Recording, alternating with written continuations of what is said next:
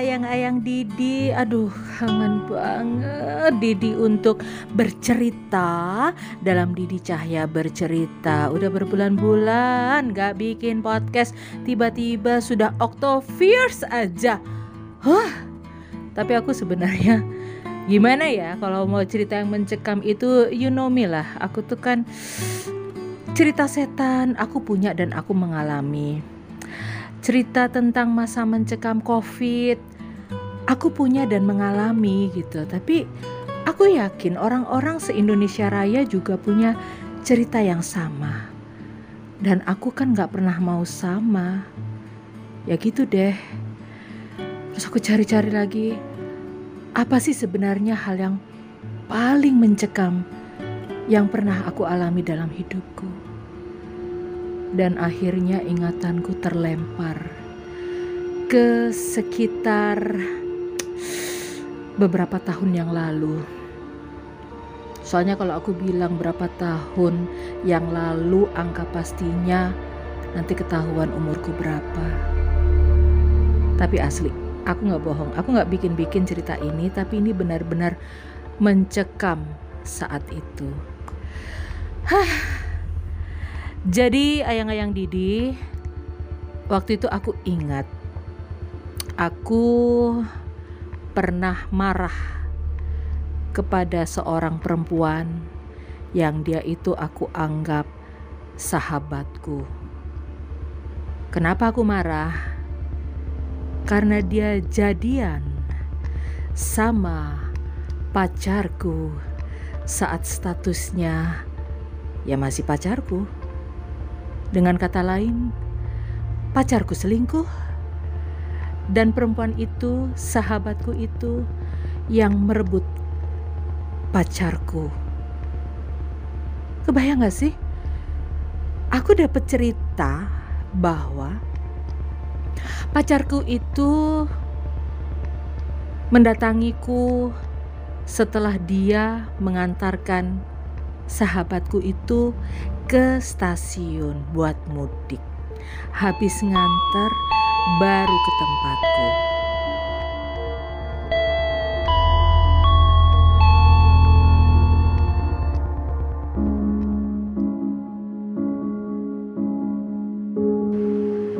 Aku awalnya heran kenapa sih laki-laki ini selalu datang ke tempatku itu sesudah jam 8 malam pokoknya malam gitu ya. Ternyata sebelumnya dia pacaran dulu sama perempuan itu. Ya marahlah aku sama mereka berdua, meledaklah amarahku dan akhirnya kami bermusuhan. Bodoh amat, dulu dia sahabatku mau apa kek. Aku marah. Saking marahnya, diam-diaman dong. Sayangnya kami satu kampus walaupun beda jurusan. The problem is namanya juga satu kampus. Seberusaha berusahanya untuk nggak ketemu tetap aja ada masa kita terpaksa ketemu. Dan ini kejadian. Buat ayang-ayang Didi yang mungkin berdomisili di Semarang ya pasti tahu apalagi yang tua-tua nih yang muda-muda udah nggak tahu. Di Jalan Hayam Wuruk alias Undip Bawah itu kan ada persewaan buku namanya Cinmi. Dan waktu itu aku kerja di situ. Nah suatu hari entah bagaimana ceritanya perempuan itu kepepet kali ya terpaksa lewat ke daerah kekuasaanku di trotoar itu. Padahal sudah berbulan-bulan aku tidak melihat dia lewat trotoar itu. Berbulan-bulan aku menikmati ketenanganku tanpa harus bertemu perempuan itu. Sampai akhirnya ketenanganku di sore itu terusik terusik.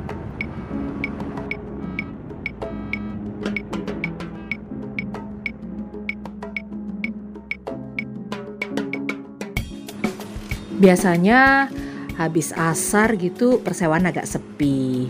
Paling kakak-kakak mahasiswa itu baru bangun tidur, masih mandi sore, jajan bakso, jadi nggak terlalu ramai. Tapi waktu itu persewaan lagi banyak anak-anak nongkrong. Jadi nggak cuma pelanggan yang nongkrong di situ, teman-temanku, temannya temanku, teman-temannya temanku itu pada ngumpul di situ, rame Eh tuh perempuan dari kejauhan kelihatan.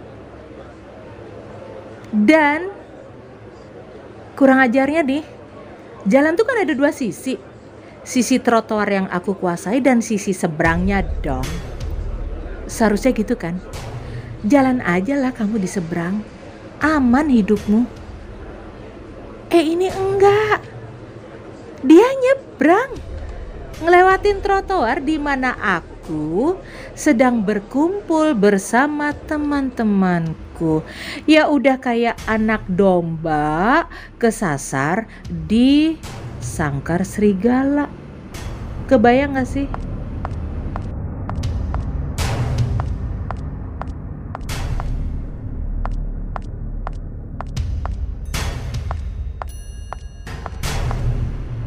Aku kesel, tapi aku diam. Tapi ternyata peristiwa itu menjadi peristiwa yang tak terlupakan bagi banyak orang.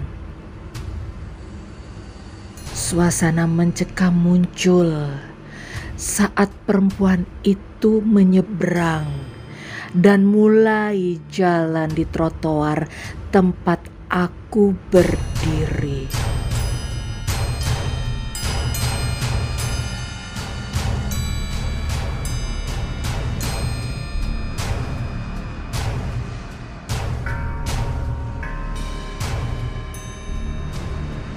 Dia menunduk. Gak beranilah dia mengangkat kepalanya mau nantangin aku. Ya gak mungkin lah. Dia menunduk.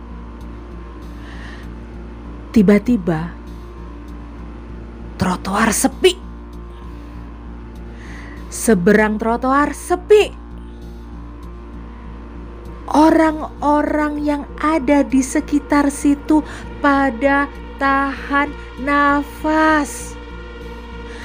Mereka tahan nafas saat perempuan itu mendekat ke arahku.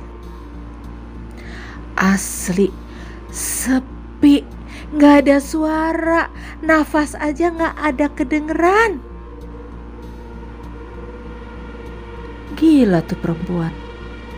Iya sih, dia nunduk gak ngeliat mataku, tapi dia meneruskan langkahnya. Sampai akhirnya dia berjalan tepat di depanku.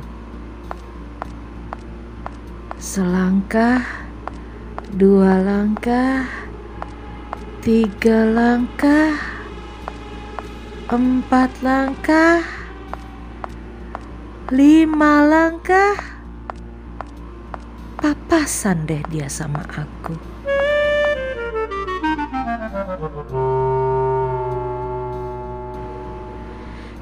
Dia tetap nunduk pas melewati aku.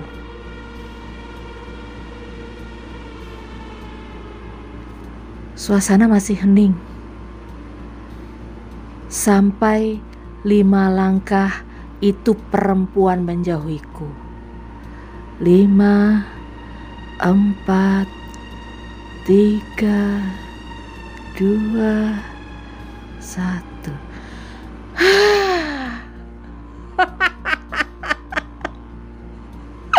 Setrotoar mengembuskan nafas tahu.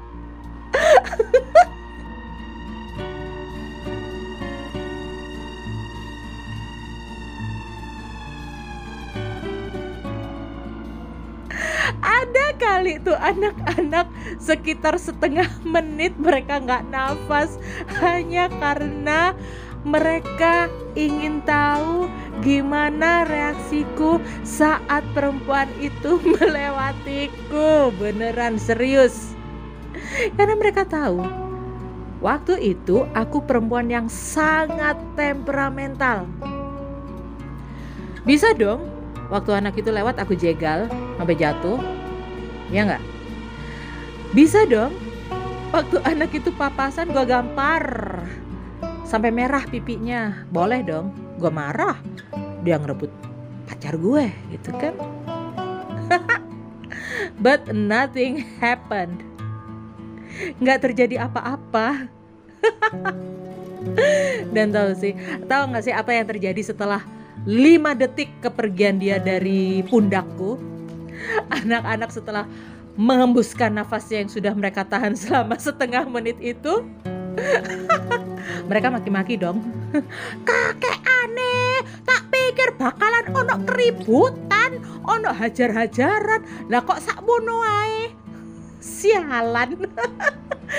Berasa pertandingan tinju yang ada promotornya gitu loh. Yang mereka taruhan nih anak bakalan aku apain ya dan tidak terjadi apa-apa dan akhirnya penonton kecewa. But